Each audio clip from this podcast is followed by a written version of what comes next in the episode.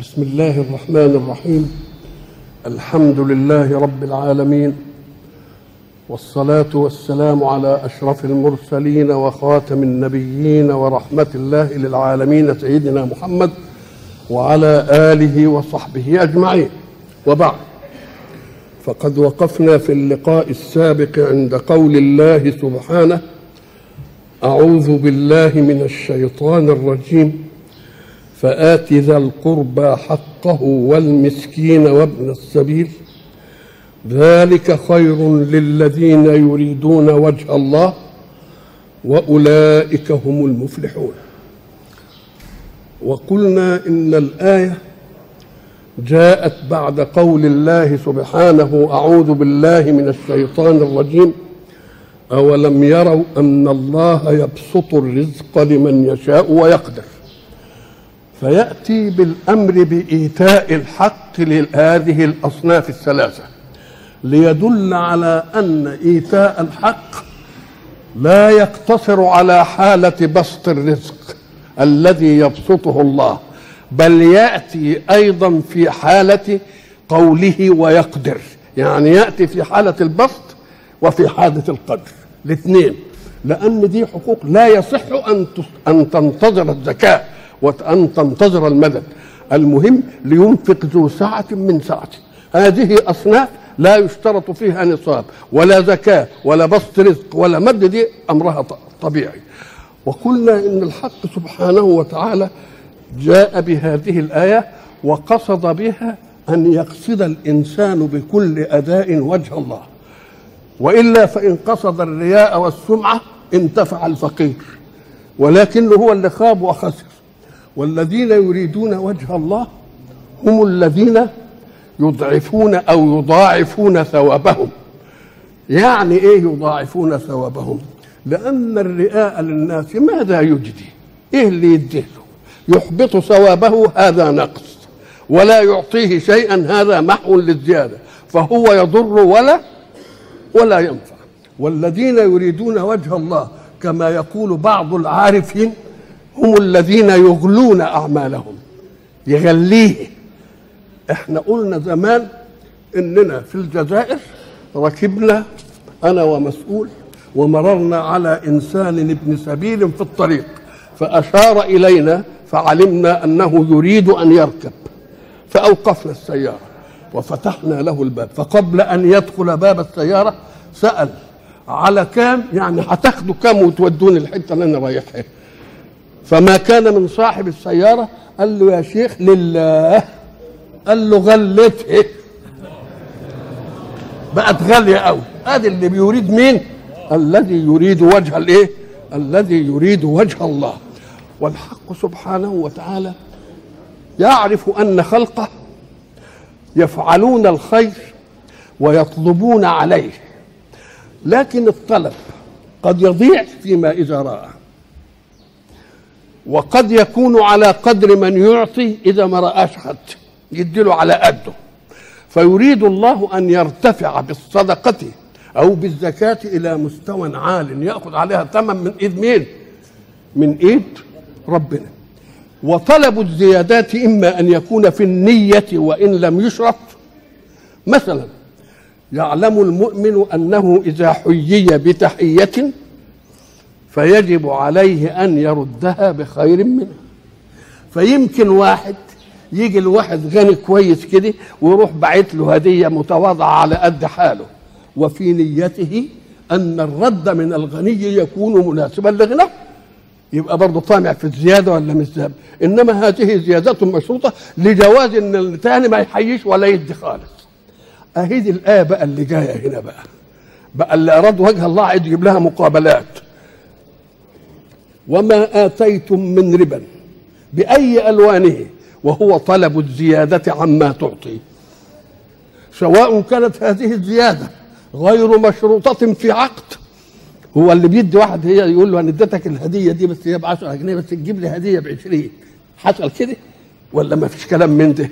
تبقى هي هدية هي هدية يقصد بها الزيادة لكن غير مشروطة ولا أي حاجة.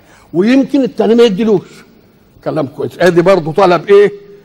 وما آتيتم من ربا أي من طلب زيادة للمال بأي وسيلة كانت.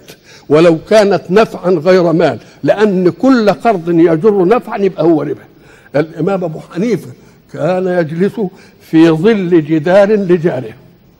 جاروا بيته كده والشمس لسه طالعة يوم يبقى فيه ظل يقوموا يقعدوا في الظل زي عادتنا كلنا. فاقترض جاره منه مالا. فوجدوا أبو حنيفة ما قعدش في الظل وراح قعد بعيد في الشمس. قالوا أنت غيرت رأيك ليه؟ قال أنا كنت بقعد وبفهم أنه متفضل بظله علي. إنما بعد ما اقترض أخاف أن يفهم ان أنا قاعد في ظله علشان اديته فلوس. حتى دي ما تنفعش يبقى اذا وما آتيتم من ربا تبغون به الزيادة سواء كانت نفعا مالا أو غير مال؟ وسواء كانت مشروطة أو غير مشروطة نقول له طيب الهدايا هيرد بأحسن منها. ما دام رد بأحسن منها ينبه على الزيادة ولا ما نبهش؟ تبقى أنا ذنبي إيه؟ قال لك بس ما تكونش دي في نيتك. وإن كانت في نيتك ربنا مش هيحاسبك عليها. بس ما يسيبكش كمان يبقى لا يسيبك ولا يعاقبك. تبقى خلاص مفهوم كده؟ وما آتيتم من ربا. أي من طلب زيادة ليربو في أموال الناس أنت عايز تربو في مين؟ في مال الناس ولذلك كلمة فيه لما تدخل المال يبقى المال ظرف واللي أنت حطيته في قلبه علشان يشفط شوية منه ويزود عنده ولذلك ربنا لما عمل وصية على اليتيم أو القاصر أو السفيه قال إيه؟ وارزقوهم فيه ما قالش وارزقوهم منه. هو أنت واصي على مال يا سفيه يا قاصر. قال لك ما ترزقوش منه. لأنك لما ترزقه منه كل سنة هينقص شوية ولا لا؟ على ما الواد يبلغ ما يلاقيش إيه؟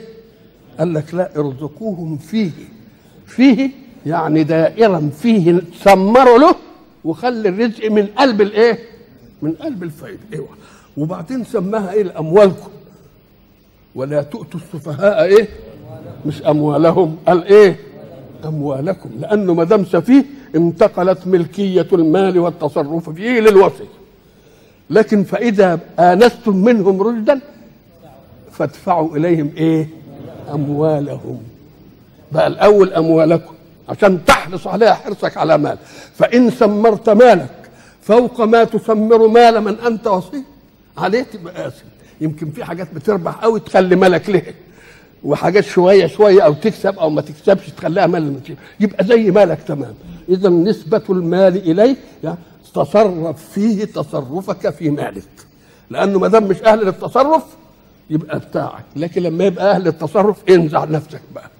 فسماه أموالكم في الأول وبعدين قال إيه؟ أموالهم في الثاني.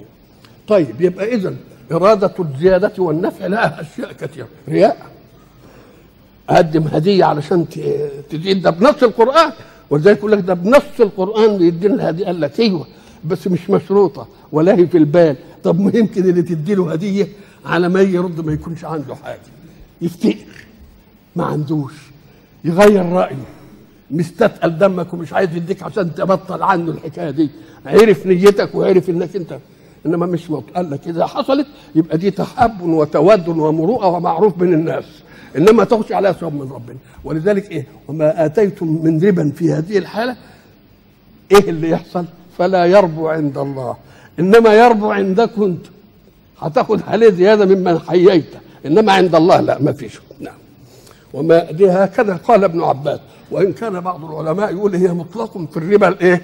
في الربا الاصل قال لك لا ده حتة كان يجب يشر عليه.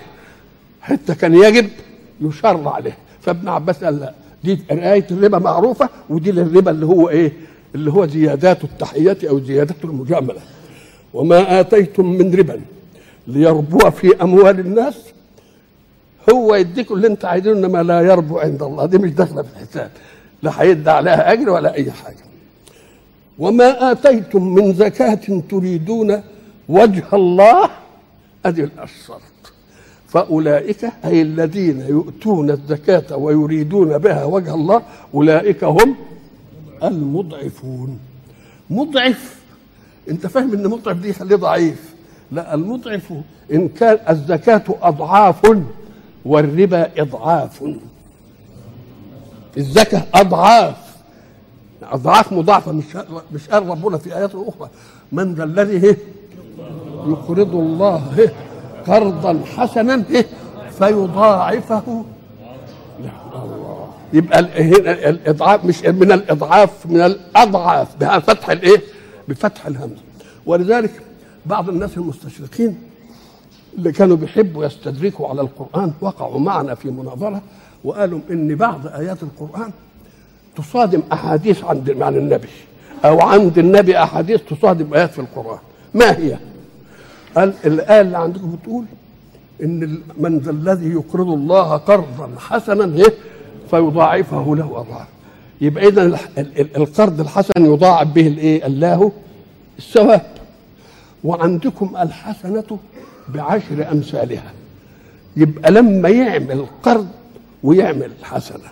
القرض النبي قال مكتوب على باب الجنة. الحسنة بعشر أمثالها والقرض بثمانية إيه؟ بثمانية عشر. فلو أن القرض الحسن يضاعف الحسنة كان يقول القرض بكام؟ بعشرين. إنما هو قال ب 18 هو قالها كده لأنه سطحي الفهم. فقلنا له إذا تصدقت بدولار ما هو كان أمريكي. إذا تصدقت بدولار عملت الحسنة دي. تاخد كام على نص القرآن؟ أم قال عشرة؟ قلت له عاد. إنما العشرة اللي أنت خدتها أرد إليك دولارك أولا ثم أخذت عشرة؟ ولا أنت دفعت دولار وأخذت عشرة؟ تبقى أخذت كام؟ طب والضاع القرض بالضعف يبقوا كام؟ يبقوا 18 يبقى خلص نعم. وقالوا ليه القرض اشمعنى يعني القرض يبقى أكتر كده؟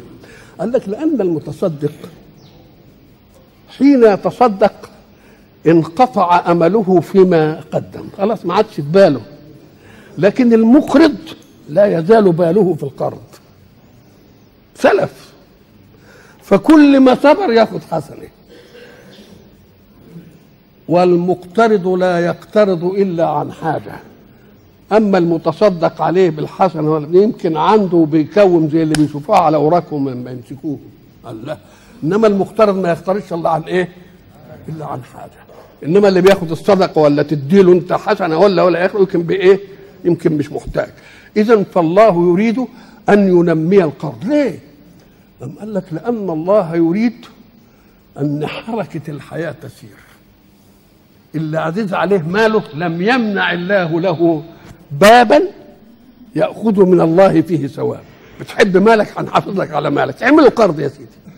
وبعدين بعد ما يعملوا قرض ويطلعوا يوم يقول له ان قدر يديك يديك. إن ما قدرش يبقى نظرة إلى ميسرة. المهم طلع منه المال ولا لأ؟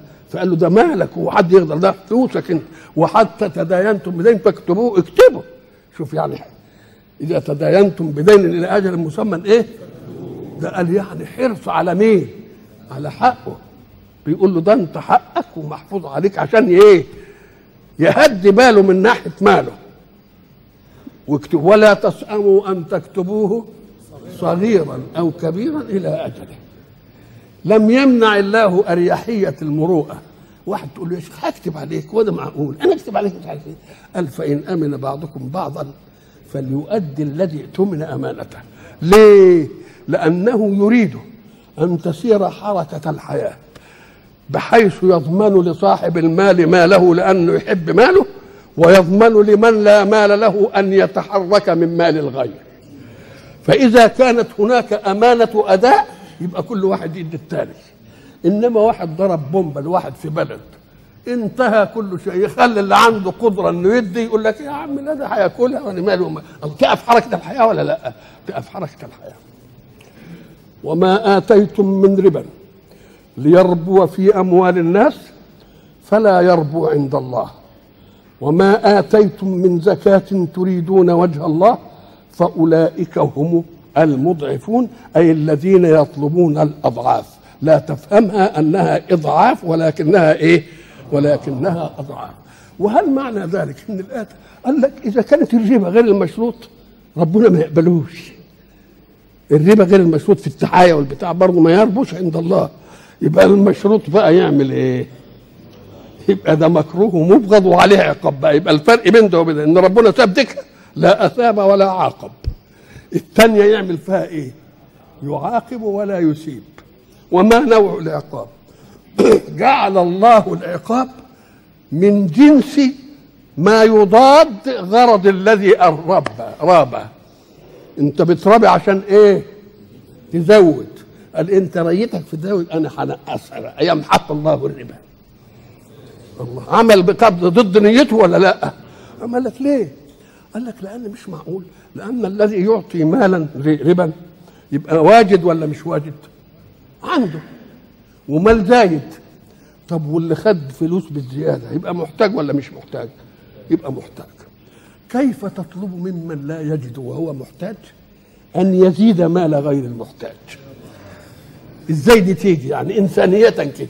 لما يعرف إن عندك مال وبعد ذلك ما أقرضتوش واديت له بربه وبعد ذلك قلت له أنا هزود قد كده يقول سلام بقى عارف إن أنا بقترض ولا عنديش وبرضه عايز زياده طب افرض إن أنا خدت المال ده عشان أسمره. وخسر. أبقى أعمل. مش بزيادة عليا خسرت عملي. اخسر عملي وأبقى ضامن له زيادة كمان. يبقى مش عدالة لأن شرط العقد أن يحمي مصلحة الطرفين. وعقد الربا لا يحمي إلا مصلحة الدائن. أما المدين ما يحميش مصلحته. عايز فلوسه وعايز الإيه؟ وعايز الزيادة. ما جابش الفلوس ولا جاب الزيادة. نقول له أخي حتى التشريعات الوضعية في الاقتصاد إن اللي أعطى البنك له فلوس. وبعدين عمل عمل ما نفعش. وبعدين عايزين يسووا حالته. أول عمل بيعملوه إيه؟ يقول له نسقط الفوائد. أول عمل. يعني حتى مش شرع فإن هو القرآن قال فإن تبتم فلكم رؤوس أموالكم. إيه؟ لا تظلمون ولا تظلمون. إيه يعني لا تظلمون؟ طب وتظلمون إزاي؟ قال لك أيوه نديك رأس المال ولا ننقصوش. قد ما تظلمش.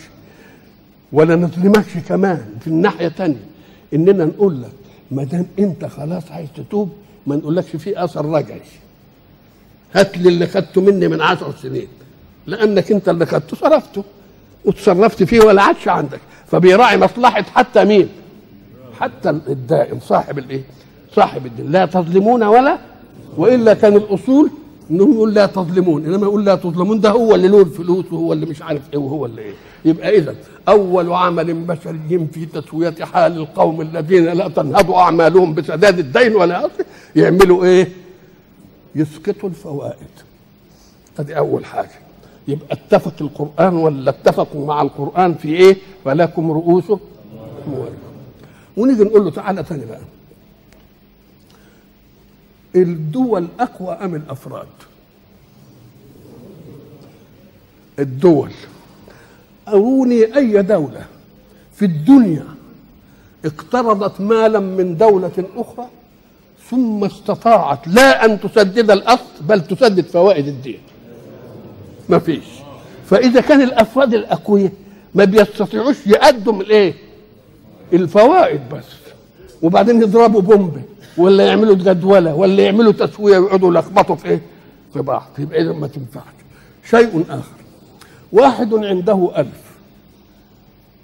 وواحد لا عند له ما عندوش ألف. عايزين نشغلهم شغلة. صاحب الألف هيروح يعمل عمل. ويدير فيه مين؟ الألف بتاعته. يبقى أنا عمله ده عايز على الأقل فيه أجرة عمله. ويعيش. كويس كده؟ طب اللي ما عندوش هيقترض ألف من فلان. وقال له الألف بمية.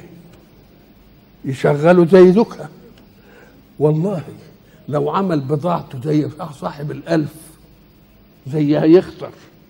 وهو عايز ياخد أجرة نفسه زي ذكها وعايز المال الزايد المية يجيبها من إيه؟ إن عملها زيه يخسر ولا ما يخسرش؟ يخسر. طب وإن عملها أقل منه عشان يوفر المية. بضاعته تبور إمال يعمل إيه بقى عشان يحل الفزورة دي بقى؟ يعمل إيه؟ قام قال لك يبقى راجل بقى واعي ويقعد بقى يشوف إيه؟ يقصها منين؟ العناصر الفعالة اللي هي غالية شوية يقللها. اللي مش عارف التغليف يقلله. يعمل الله عشان يعوض إيه؟ عشان يعوض ال 100 جنيه ويعيد زيه. ده حاجة. طيب اللي هينقص ده يبقى من مين؟ من المستهلك. طب المستهلك كان طرف في العقد؟ لا يبقى حصل ضرر لمن لا هو طرف في العقد. يبقى العقد باطل. يبقى العقد يبقى العقد باطل. اذا الناس اللي بدهم بقى إيه؟ يدخلوا علشان إيه؟ يقول لك الإسلام صالح لكل زمان ومكان. افهمها على أصولها. يعني اوعى تقول إن قضايا الإسلام ما تنفعش في أي زمان وفي أي مكان.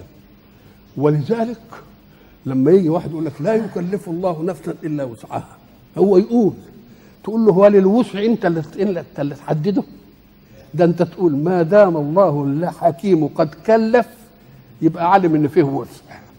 يبقى خد الوسع من التكليف. مش أنت تقول الوسع كده وتنفي التكليف لا. قدر أن الله ما دام قد كلف يبقى عارف الإيه؟ ولذلك إذا علم أن الوسع يضيق هو من نفسه إيه؟ يخف أنت بتسافر وتبقى مقيد في الحركة والإقامة والمش عارف الايه وبتاع. قال لك خف في الصلاة الايه اعمل كده يبقى هو لما دام عارف إن الوسع لا يسع بيعمل إيه؟ المية بعيدة مش لاقيها. يقول لك اتيمم يبقى اذا أنت ما تقولش وسعي أن أعمل أو لا أعمل فإذا كنت في وسع أن أنا أعمل يبقى أعمل. ما فيش وسع ما اعمل نقول له لا. ما دام التكليف قد ثبت يبقى قدر المكلف الوسع. بدليل أنه حين يعلم أن الوسع يضيق قبل التكليف هو اللي يعمله. وبعد يقول لك عشان نناسب العصر والحالة عمت وما عادش ممكن تقول له الله إذا نجعل العصر هو المشرع. واهبط بتشريع السماء إلى ما يحتمله العصر. يبقى مين اللي بيشرع بقى؟ يبقى العصر هو اللي بيشرع.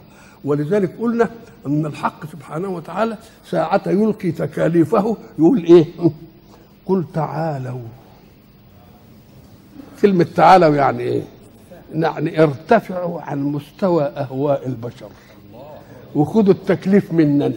ما تهبسش بالتكليف إلى مستواك. إن هبطت بالتكليف إلى مستواك وتقول العصر حتى والدنيا مش عارف إيه وإلى آخره تبقى أنت أخضعت منطق السماء إلى منطق الإيه؟ إلى منطق الأرض. ومنطق السماء جاي عشان يعمل إيه؟ تعالوا. نعم. ثم أيضا الذين يحاولون إنهم يحللوا نقول له يا شيخ الذي يحلل بالنسبة لمن يحرم كتير ولا قليل؟ بلد فيها مئة عالم. كم منهم يحللون وكم منهم يحرمون؟ القلة تحلل ولا تحرم؟ القلة هي اللي بتحلل والكثرة بتحرم يا شيخ مش هنقول كده هنبهم متساويين قد بعض ده قد ده. ما حكم الله فيما تساوت فيه الاجتهادات؟ وده يقول حلال وده يقول حرام. حكم الله فيه إيه؟ قال لك النبي بينه قال الحلال بين والحرام بين. مش كده؟ وبينهما واحد يقول حلال وواحد يقول ماذا قال الرسول في هذه؟ أقال فمن فعل ما شبه له ولا فمن ترك ما شبه له؟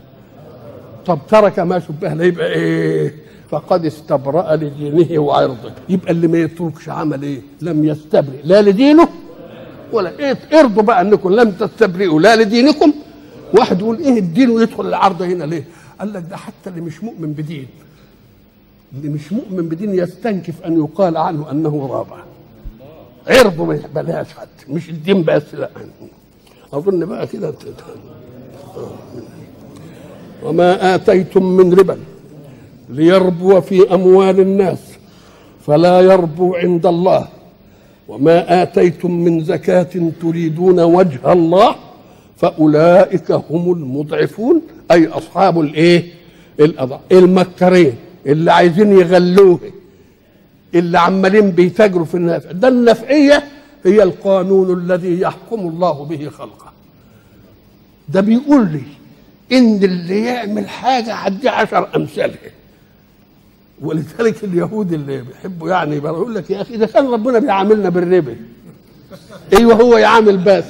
ليه؟ لأنه لما يديكوا زيادة ما ينقص حاجة من عنده. هو بس يديك. إنما الثاني يبقى مرهق ده ما فيش إرهاق له يعد. نعم. وما آتيتم من ربا ليربو في أموال الناس فلا يربو عند الله. وما آتيتم من زكاة تريدون وجه الله فأولئك هم المضعفون. وعايزين بقى نسيب الكلام ده جانب كده وكل واحد يشوف واقعه في المحيط الذي يعيش فيه. كل بلد فيها ناس بتحب الربا وبترابي وبيعرفوا يقول لك ده مرابي مش بيعرفوه بيعرفوه. طب قل لي أمات مراب بخير؟ أمات مراب وثروته كاملة ولا لازم ربنا يوريه إذا ربنا ما يقولش يمحق الله الربا ثم يترك مرابيا ينمو ماله. إمال بقى تشوف يعني يغتني ويعمل يقول لك آه ده بيغتني كيد فيه. مبالغة في اذلائه إزاي؟ قال لك ربنا بيكره اللي يرتدئ من من من الحرام. وإذا اشتد غضبه عليه بارك له فيه. ليه؟ عشان يغرب العمل. ولذلك اقرأ قول الله سبحانه فلما أعوذ بالله من الشيطان الرجيم. فلما نسوا ما ذكروا به فتحنا عليهم أبواب كل شيء. يقول لك ده يحط ايده في التراب يبقى ده يعمل مش عارف إيه. فتحنا عليهم. ولذلك إحنا قلنا يجب أن تتنبه في مادة الفتح. في فتحنا عليهم وفتحنا لهم. فتحنا يبقى الفتح جاي خير لهم. فتحنا عليه بس هتزهزه لكم إنما عليه على دماغه. فلما نسوا ما ذكروا به فتحنا عليهم أبواب كل شيء. حتى إذا فرحوا بما أوتوا أخذناهم يبقى مش عايز حد يوقع حد من على الحصيرة. إنما يوقعوا من فوق مع الكنبة عشان زي اللي مسك اللي مسك العدو بتاعه وشاله كده. قام الواد الصغير اللي واقف قال له هو بيهشكه ما هو الواد فاهم إن العملية دي تهشيك قال له لا ده بيطول الهدر. بيعلي الهدر نعم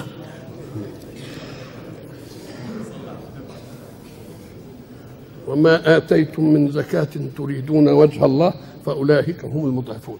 ولذلك هناك حتى إذا فتحنا فتحنا عليهم أبواب كل شيء حتى إذا فرحوا بما أوتوا أخذناهم. الله هو الفرح ممنوع. لما ربنا يديك حاجة كده وتفرحش قال لك لا في فرح يحب وفرح يكره ويبغض. وإلا فربنا نسب الفرح للمؤمنين. قال إيه؟ غلبت الروم في أدنى الأرض وهم من بعد غلبهم سيغلبون في بضع سنين لله الأمر من قبل ومن بعد ويومئذ يفرح المؤمنون. فأثبت لهم فرحه. وفي آية يقول لك فرحين بما آتاهم الله.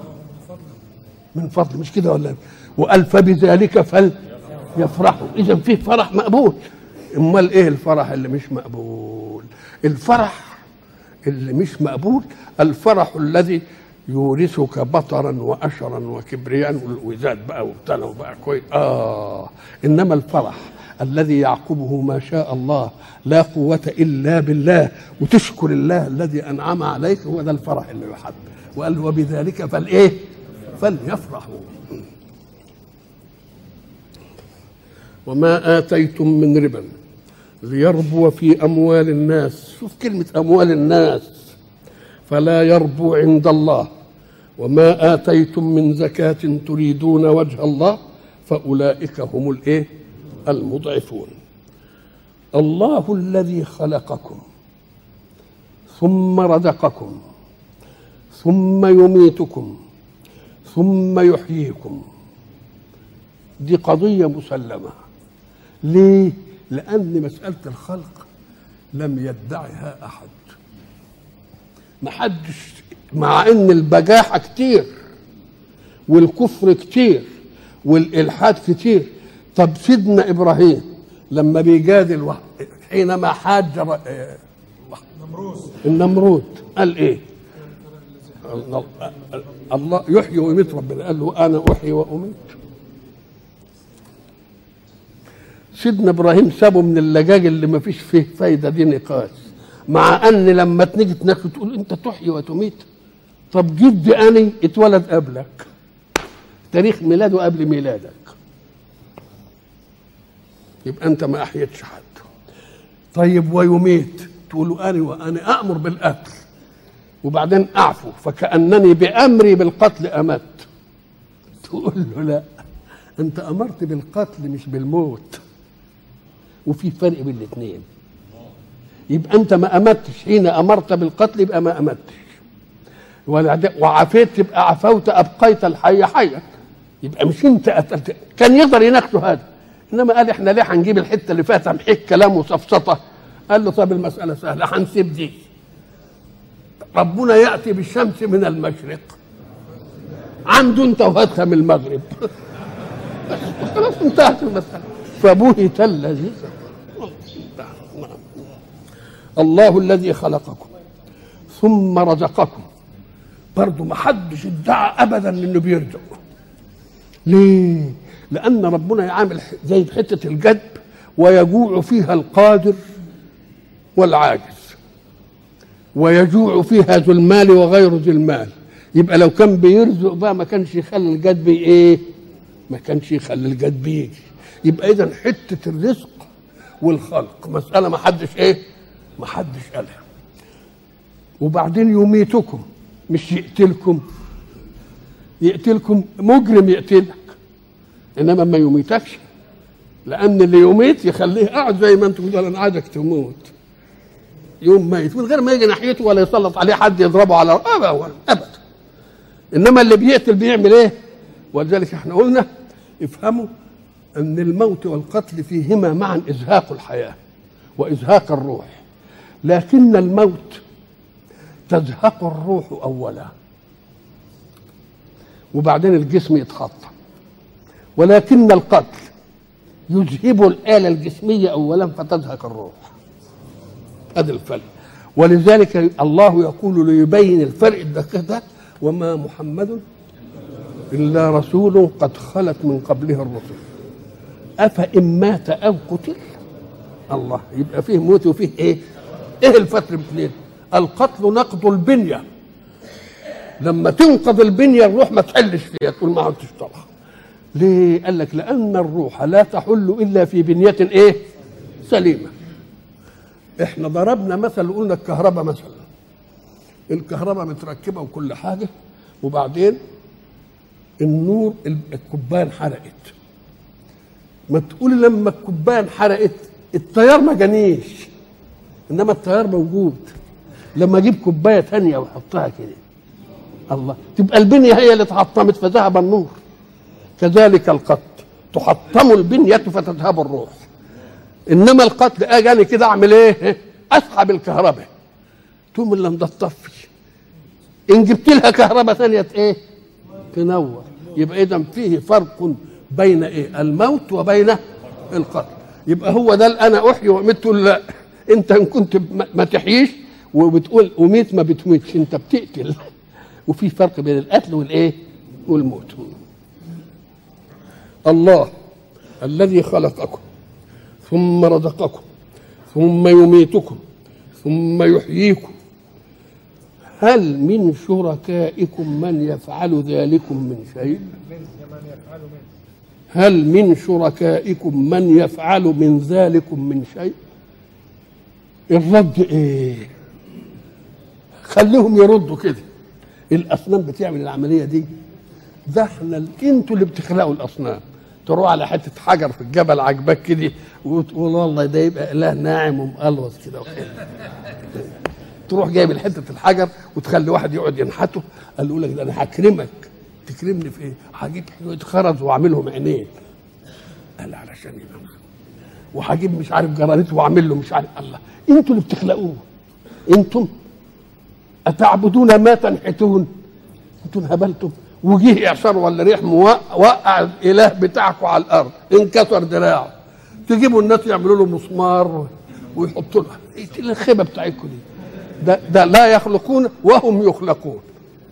لا يخلقون وهم إيه؟ وهم يخلقون. هل أنتوا عندكم شركائكم يفعلوا حاجة زي دي؟ ولذلك يقول في آية ثانية إن الذين تدعون من دون الله لن يخلقوا ذبابا. الذباب ما يخلقوش ومش بس ما يخلقوش ما يقدروش عليه كمان. الراجل ما يقدرش على الذباب يقول لك إيه؟ خليك قاعد كده وطيرة تقعد بقى تتعكسك. تحاول إنك تتعبك. وتعالى بلاش كده. خليك قاعد والعسل قدامك. وجت الطيرة ها؟ ووقفت على العسل وخدت منه حاجة على الجناح ولا في بالله تقدر تمسك الذبابة دي وتاخد اللي خدته. شوف قال إيه بقى؟ إن الذين تدعون من دون الله لن يخلقوا ذبابا ولو اجتمعوا له. ومش كده؟ وإن يسلبهم الذباب شيئا لا يستنكروه منه. ضعف الطالب والمطلوب. الله الذي خلقكم. ثم رزقكم ثم يميتكم ثم يحييكم.